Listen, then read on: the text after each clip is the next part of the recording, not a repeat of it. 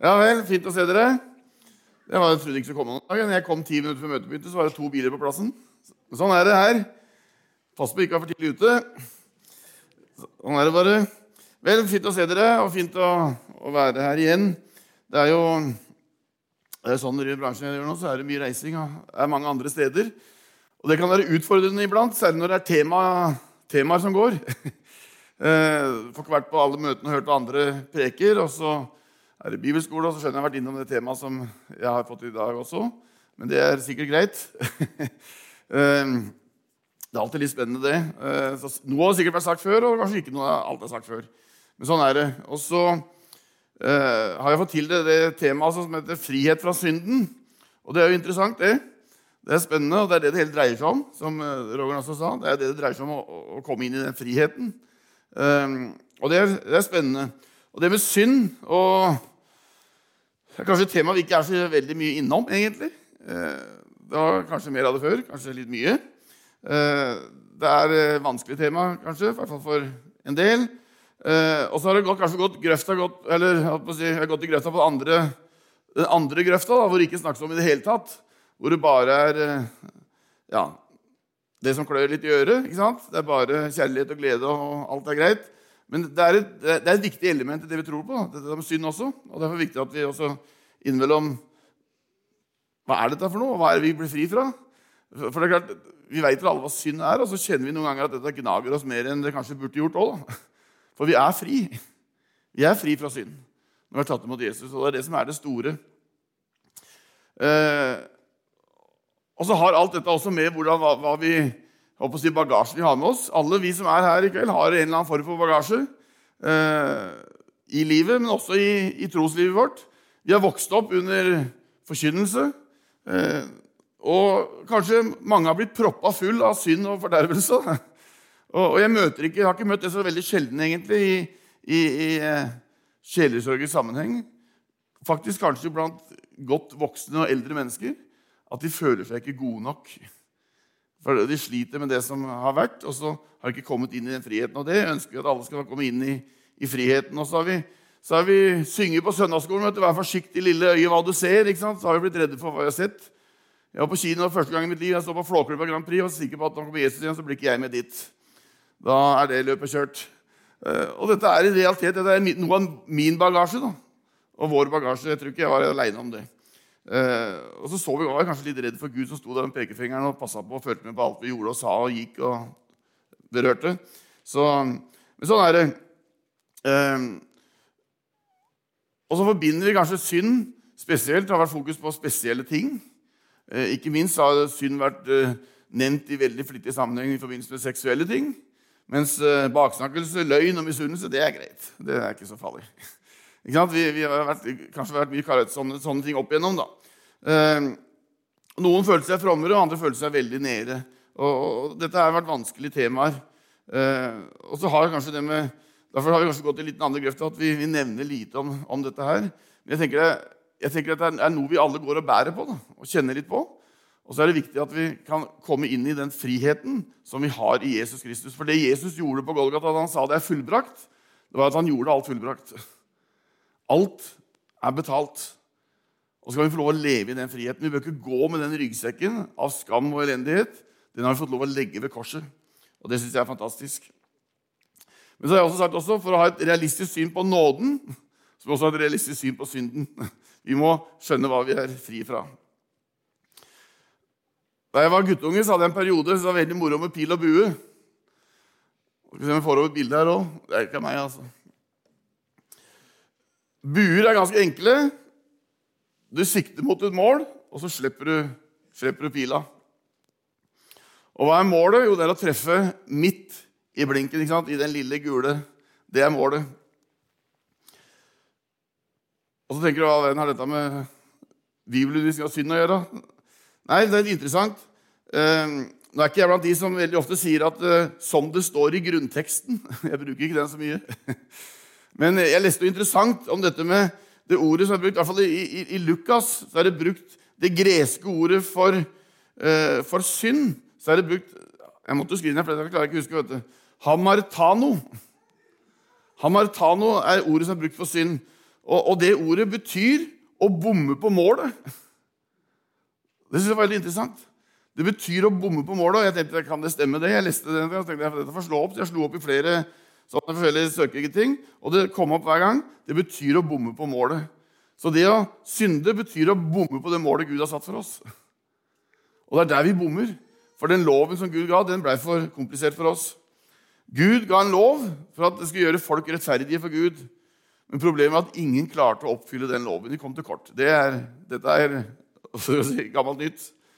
Ehm, så for å sette startskuddet da, i kveld Om noen skulle føle den ene eller andre veien, enten at du er full av synd og det er bare elendig, og jeg er nok mer synder enn de andre, og kanskje noen føler at jeg er mye frommere enn alle de andre, så kan vi liksom senke skuldrene begge, si begge to, alle sammen. Og så skal vi lese hvordan det egentlig står til i Romerne 3, 21.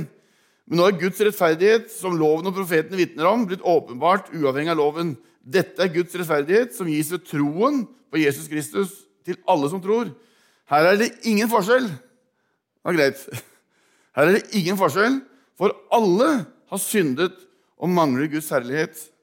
Men ufortjent og av Hans nåde blir de kjent rettferdige, frikjøpt i Kristus Jesus. Jeg har nesten kunne sagt amen til den. Bare nesten, da.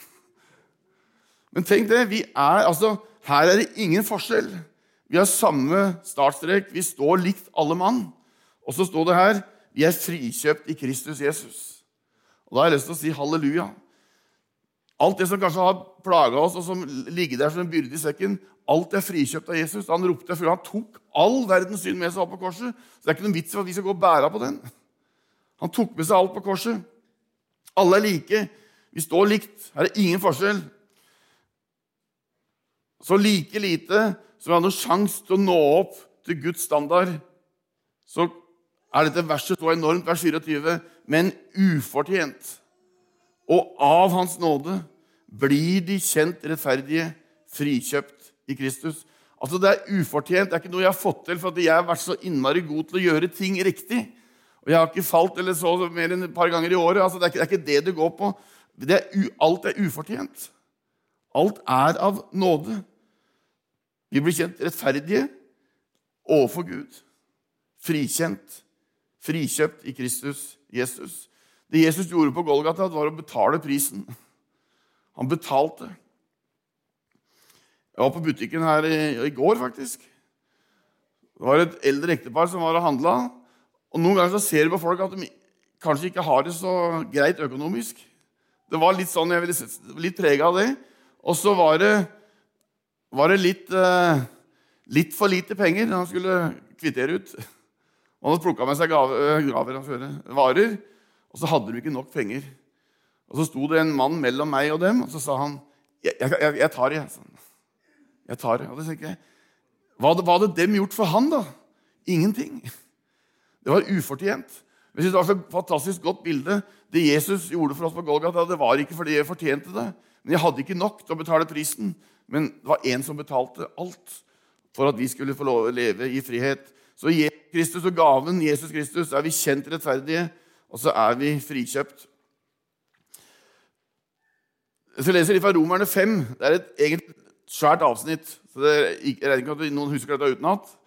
Men vi stresser noen av, av punktene. Men jeg vil lese faktisk ni vers. Romerne 5, fra vers 12 til 21.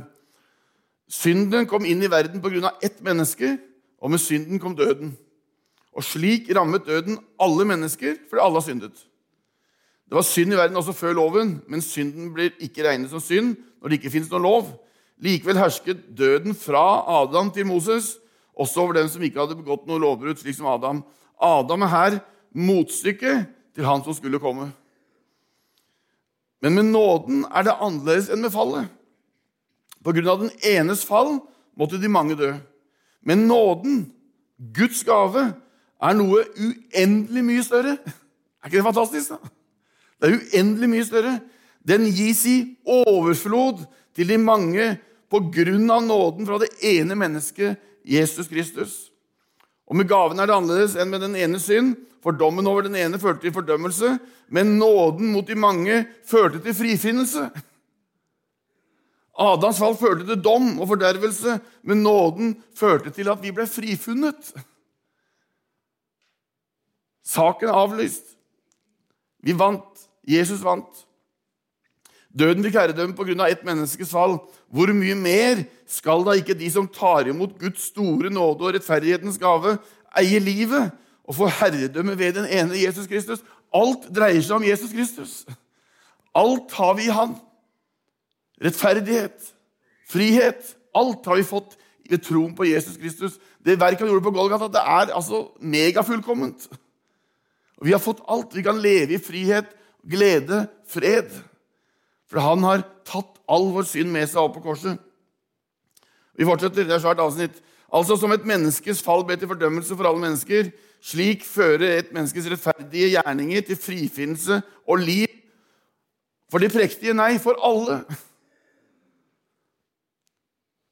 Slik det ene menneskets ulydighet gjorde de mange til syndere, skal nå den enes lydighet gjøre de mange rettferdige. Du og jeg, vi er rettferdige. Vi er gjort rettferdige. Loven kom til for at fallet skulle bli stort, men der synden ble stor, ble nåden enda større. Halleluja. For slik som synden hersket gjennom døden, skal nåden herske gjennom rettferdigheten og gi evig liv ved Jesus Kristus, vår Herre. Er ikke det fantastisk? Da? Det kan oppleve som eh, Rogan opplevde. Jeg er fri. Jeg er fri. Fordi Jesus tok alt. Og så kan vi få lov å legge det som Vi er syndere, vi gjør feil, vi, vi glepper. Men vi får lov å legge det på Jesus. Vi er tilgitt til syndere. Han har tatt alt og vil at vi skal leve i frihet. Alt er pga. nåde.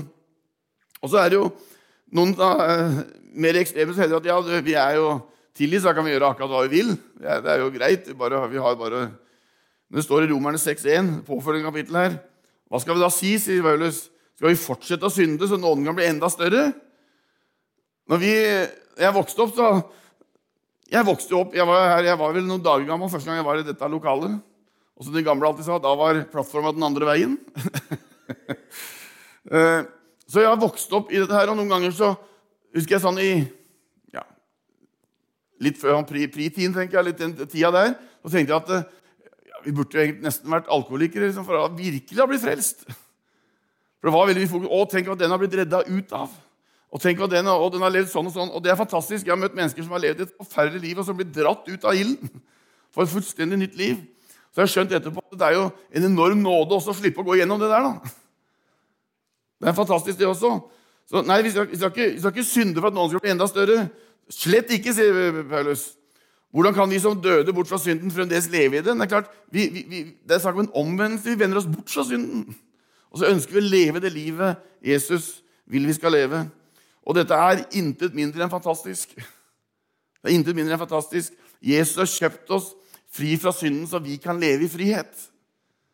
Og det er noe deilig og godt om å leve i frihet, er det ikke det? Det er kanskje noen av dere som Jeg vet ikke, Nei, kanskje ikke. Som opplevde krigen. Men jeg husker mor, ja, mor og far som opplevde krigen. Og jeg husker Mutter'n fortalte spesielt, hun bodde jo i Drammen her, Eh, da freden kom, og den vanvittige gleden Folk var helt ville. Det var flagg og det var jubel, og folk fløy på gata og klemte fremmede folk. og det var ikke måte på det var lykkelige de var. For nå opplevde vi frihet. Og vi som får oppleve at syndebøra forsvinner, og vi lever i frihet Vi har sannelig grunn til å bare heise flagg og klemme hverandre. Nå får ikke lov, da, for det er korona. Men uh, den gleden, den er enorm når vi klarer å se at vi er fri i Jesus Kristus. Var vi fri til å gjøre hva vi vil? Nei, vi har frihet til å leve det nye livet som Jesus Kristus har kjøpt for oss. Vi har frihet til å leve det livet han har kjøpt for oss. Faren min nå har jeg flere ganger, men jeg nevner han igjen. jeg. Han, eh, jeg, eh, da han døde, så rydda vi, eller Før han døde, faktisk, så rydda vi ut huset hans. Han var på sykehjem. Så fant jeg i verkstedet hans i en boks den første bibelen hans, konfirmasjonsbibelen hans. Og den var bare filler. Den var fullstendig utlest. Men i omslaget der så sto det med sånn sirlig skrift Frelst, nei, gjenfødt til det levende håp. 4. mars 1943. Da ble fatter'n frelst på Betania i Trøgstad. Og så husker jeg pappa fortalte Ikke så veldig lenge etterpå, for han, han blei virkelig forvandla. Han var mye ute på litt av hvert, så han opplevde virkelig at han blei fri. Hadde levd et liv som uh, trengte frihet, og kjente på en enorm glede og takknemlighet over det. Men så var han gårdsgutt. Han jobba som gårdsgutt på, på bondegård i Trøgstad. Og så var det vår, så skulle møkka spres. Og det er en opplevelse. Da var det ikke sånne fine spredere, da, det, da gikk det manuelt. Så han, han, satt, han kjørte svært lass med møkk, som han sa, var det uttrykket han brukte, og satt da på kanten av vogna og kjørte hesten.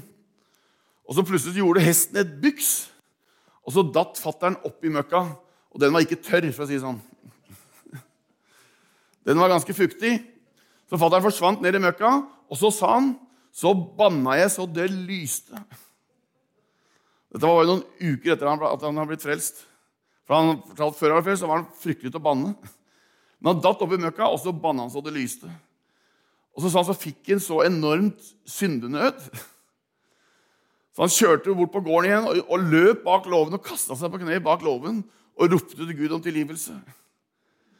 Og så sa han så var det akkurat som du hørte en tordenrøst over meg der jeg lå på kne. Og det var verset fra Johannes 8, 36. For Sønnen frigjort dere. Da blir dere virkelig fri. Han sa det, det gjorde et eller annet der inne. Det tok, vekk alt som var. Og fra den dagen sa han, han et stygt ord. Jeg hørte aldri han si et stygt ord heller i min tid. Han levde lenge før jeg ble født. Men han opplevde at han, han ble ordentlig fri. Det som plagde ham, det fikk lov å legge på Jesus.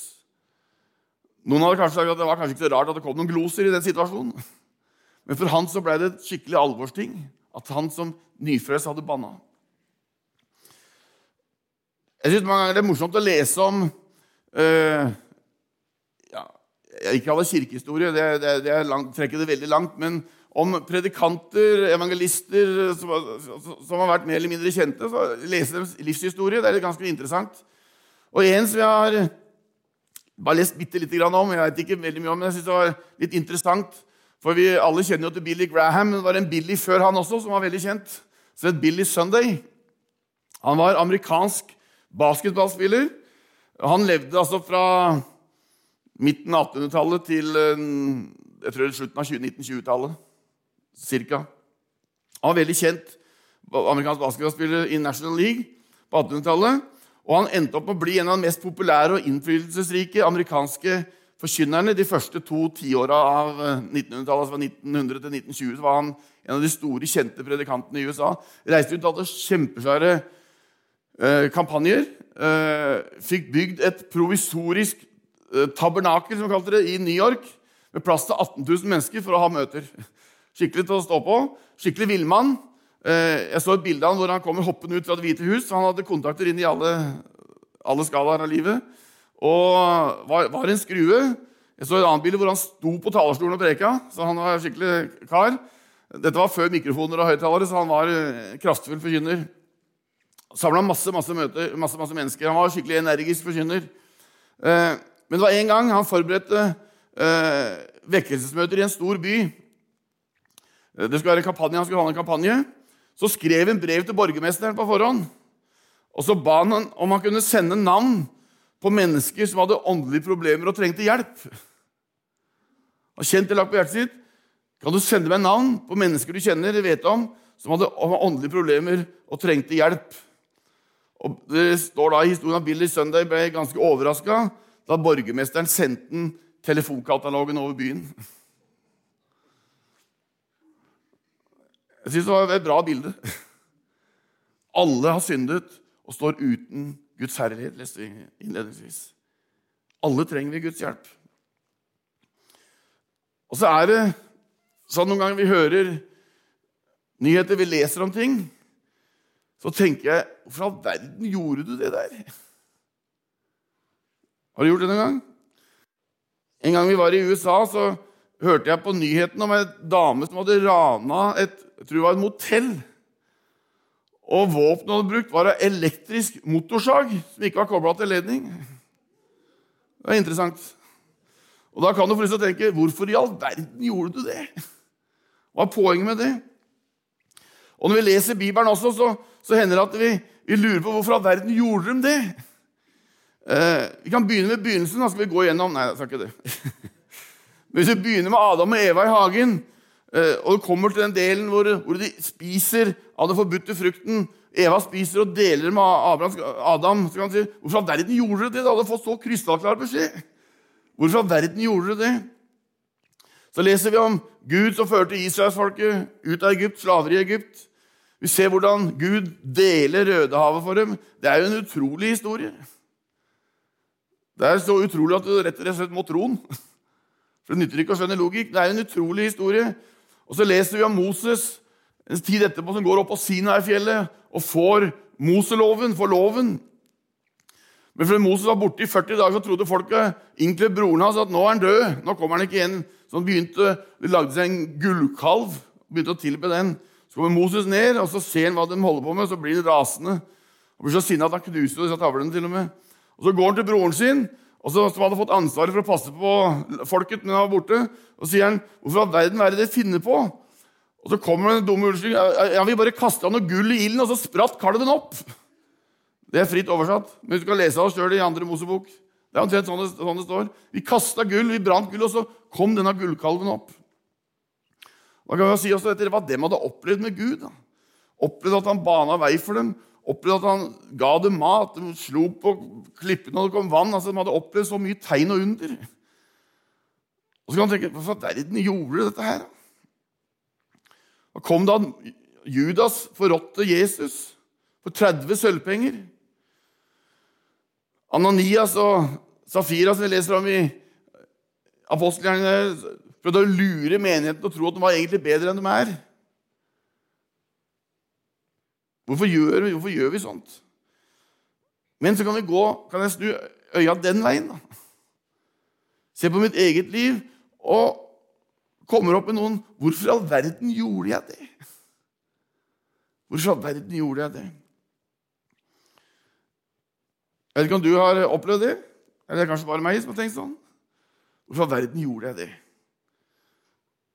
Har noen gang prøvd desperat å unngå ting, men likevel så havner vi tilbake der vi ønsket å unngå å være? Og så kan vi noen ganger få en følelse var det du også nevnte, Roger, Er det kristenlivet egentlig noe for meg? Klarer jeg å, å holde standarden? Det er ikke alltid lett å leve som en kristen, og så har vi sa, en bagasje med oss som kanskje er mye å snakke oss litt i øret. Og det er ikke alltid jeg ser at det jeg leser i Guds ord, stemmer med mitt liv, eller motsatt. At mitt liv stemmer med det jeg leser i Guds ord.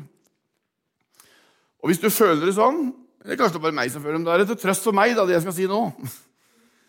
Hvis du føler det sånn, så skal vi vite, både du og jeg, at vi er ikke alene. Det var faktisk en mann som het Saul, som senere fikk navnet Paulus, som følte nøyaktig det samme.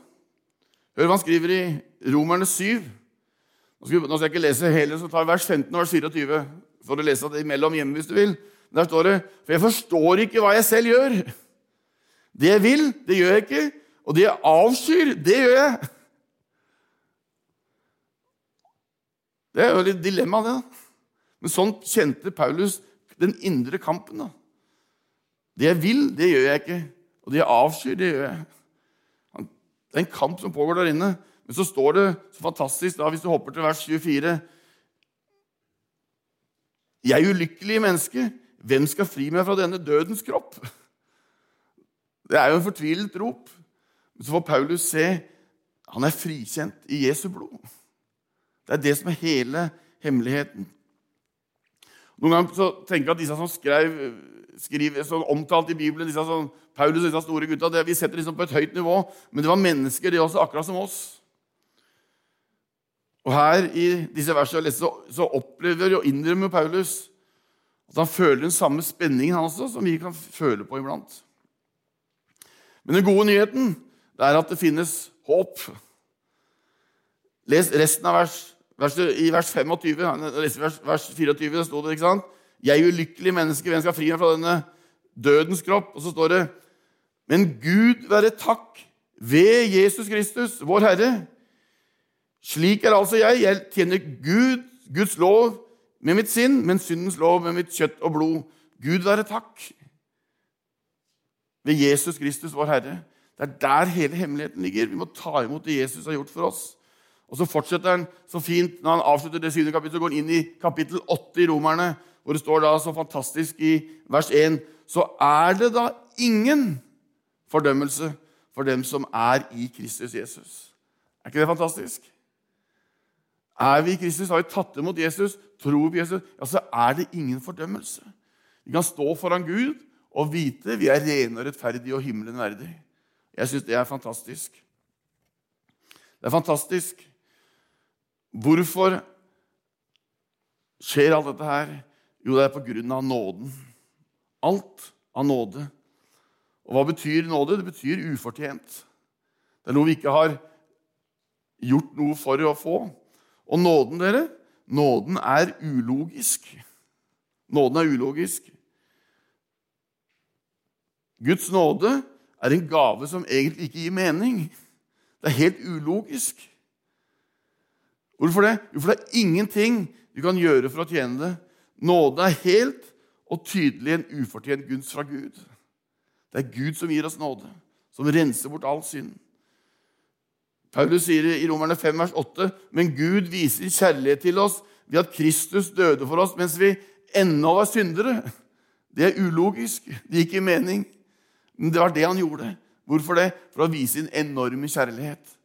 Han dø, viser kjærlighet til oss ved at Kristus døde for oss mens vi ennå var syndere. Det er nåde. Det er ufortjent. Og dermed så har vi mulighet til å leve i frihet. Ja, det er ulogisk, men det er sant. Jesus gikk til korset. Jesus gikk til Golgata, og hans blod det renser fra all synd. Jammen det er ikke noe jammen. Jesu bror renser fra all synd. Og så får vi lov å sette vår lit til Han. Og så har noen levd et liv som i hvert fall utenfra ser veldig syndfullt ut, kanskje, mens andre har, ikke ser den. Men vi er like på innsida. Her er ingen forskjell, begynte vi med. Det er ingen forskjell. Guds kjærlighet kommer til oss gratis, uten betingelser. Og det er kanskje noe som sliter mot vårt menneskelige instinkt. I Japan, hvor vi bodde i 14 år, så er det 0,25% kristne. Og det som er vanskelig for en japaner å tro og skjønne, er at én har gjort alt for meg. For det er helt utenfor Japans tankegang. Hvem har framgang i Japan da når det gjelder eh, tro og religion? Jo, det er Jehovas vitner. Hvorfor det? For der har du krav. Du må gjøre sånn og så og så mange timer sånn og sånn og sånn. Det passer mer inn i japansk tankegang. Men dette her det strider mot menneskelige instinkter, men det er betingelsesløst. Du må ikke rekke opp til det og det nivået, men det, alt er betingelsesløst. Buddhismen de har åtte sånne sirkler eller stier du må følge for å komme til topps. Den hinduistiske doktrinen går på karma. Du får som du fortjener. Er du fattig, ligger renestein, ja vel, så er det fordi du har gjort noe gærent i ditt forrige liv. Du får som du fortjener. Så har du den jødiske pakten, loven. Så har du den muslimske lovkoden og sharialoven. Du har lover, og du har krav. Hvorfor det? For å, få, for å tjene seg en eller annen form for godkjenning hos Gud.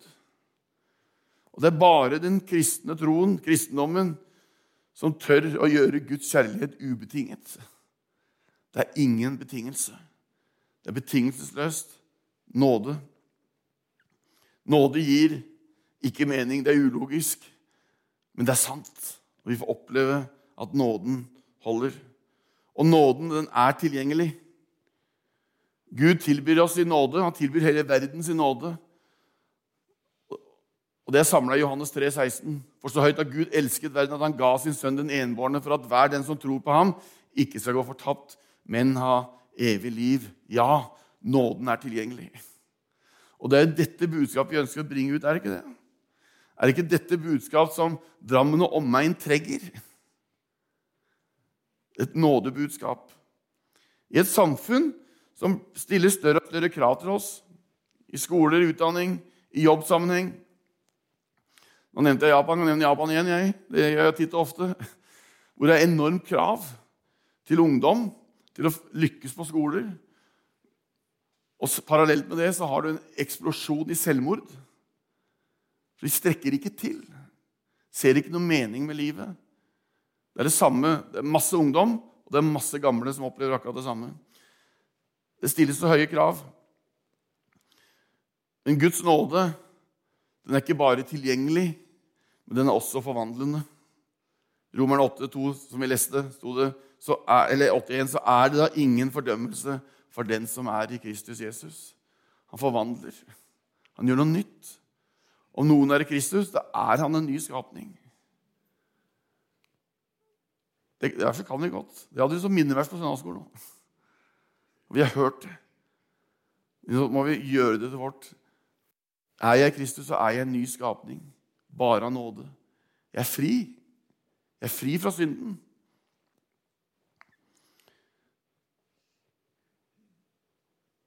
I kveld så kan du gå hjem og så kan du tenke 'jeg er fri'. Jeg kjenner at Den følelsen den skaper i hvert fall glede i mitt hjerte. Selv om jeg som nordmann ikke er så flink til å uttrykke det sånn utad, så kjenner jeg en glede i mitt hjerte at jeg er fri. Ikke noe av det jeg gjør eller ikke gjør, trekker Guds kjærlighet fra meg. Han elsker meg med en evig kjærlighet. Er ikke det godt, da? Jeg syns det er bra. jeg. Og det er viktig at vi klarer å oppleve og kjenne denne friheten. Kjenne på at uh, den følelsen at jeg ikke strekker til, jeg er ikke god nok, det er en forferdelig følelse. Men Jesus har tatt alt med seg opp på korset. For mange år siden så hadde jeg en opplevelse av det at jeg tenkte jeg, kan jo ikke bli tilgitt. Nå er livet ødelagt. Det var en svart, svart periode. Jeg følte jeg hadde gjort feil som ikke kunne rettes opp. Og så kjørte jeg oppover Konnerudbakka og jeg kan vise akkurat hvor det skjedde.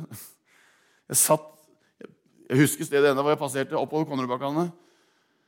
Så kjente jeg plutselig som det var en eksplosjon inni meg. At jeg er fri. Hvorfor, det? Hvorfor jeg fikk se hva Jesus hadde gjort for meg. At han tok alt. Og så var jeg fri. Og så kjente jeg at det, det, det som var nedtrykt og depressivt, det fyltes med glede og takknemlighet. Jeg er fri. Og da var det like før jeg gassa litt for fort, for da var jeg lykkelig. og jeg tenker, jeg ønsker virkelig å, å, å, presisere det igjen og igjen til oss alle sammen. Vi er fri i Kristus. Av nåde. Vi hadde samme utgangspunkt. Jeg hadde ingen sjanse til å nå opp. Og så kommer Jesus Kristus, og så roper han 'Det er fullbrakt'. Og jeg synes Det er fantastisk at vi, kanskje alle vi som er her i dag, vi har levd med Jesus lenge. Jeg vet, jeg vet ikke. Kanskje har vi opplevd det. men men det er så mange utafor oss som ikke kjenner dette budskapet. Som ikke opplever friheten, som ser på oss kanskje som, som mennesker som har bare begrensninger. Men vi er mennesker som får lov å leve i frihet, i tett forhold til den levende Gud. Betingelsesløs kjærlighet. Ikke fordi vi har fått til, men fordi han har fått til og ropte det er fullbrakt. Jesus, jeg takker deg for at de har opplevd det, at du har dratt oss opp av det dype gjørmen og satt våre føtter på klippen.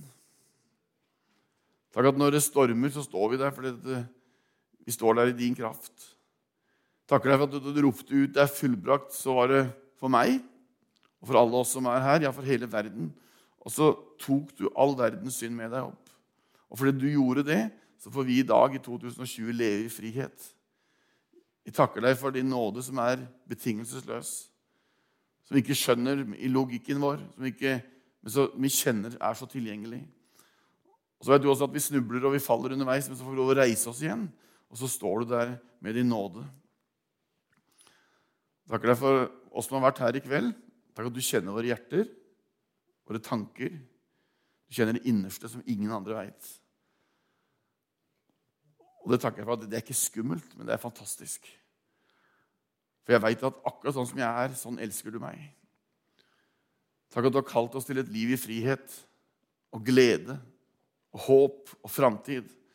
Du ønsker ikke at ditt folk skal gå nedtrykt med krum nakke, men du ønsker at vi skal løfte blikket og se på deg. Og takker deg for at du har frelst oss og så har bevart oss inntil i dag. Og så ber jeg at du skal hjelpe oss til å leve i denne friheten. Kjenne på denne friheten som du har gitt oss. At vi er fri pga. det du gjorde for oss på Golgata. Takk at det gjelder alle. Takk at det ikke er noen forskjell. Det vil jeg prise deg og takke deg for i kveld. Amen.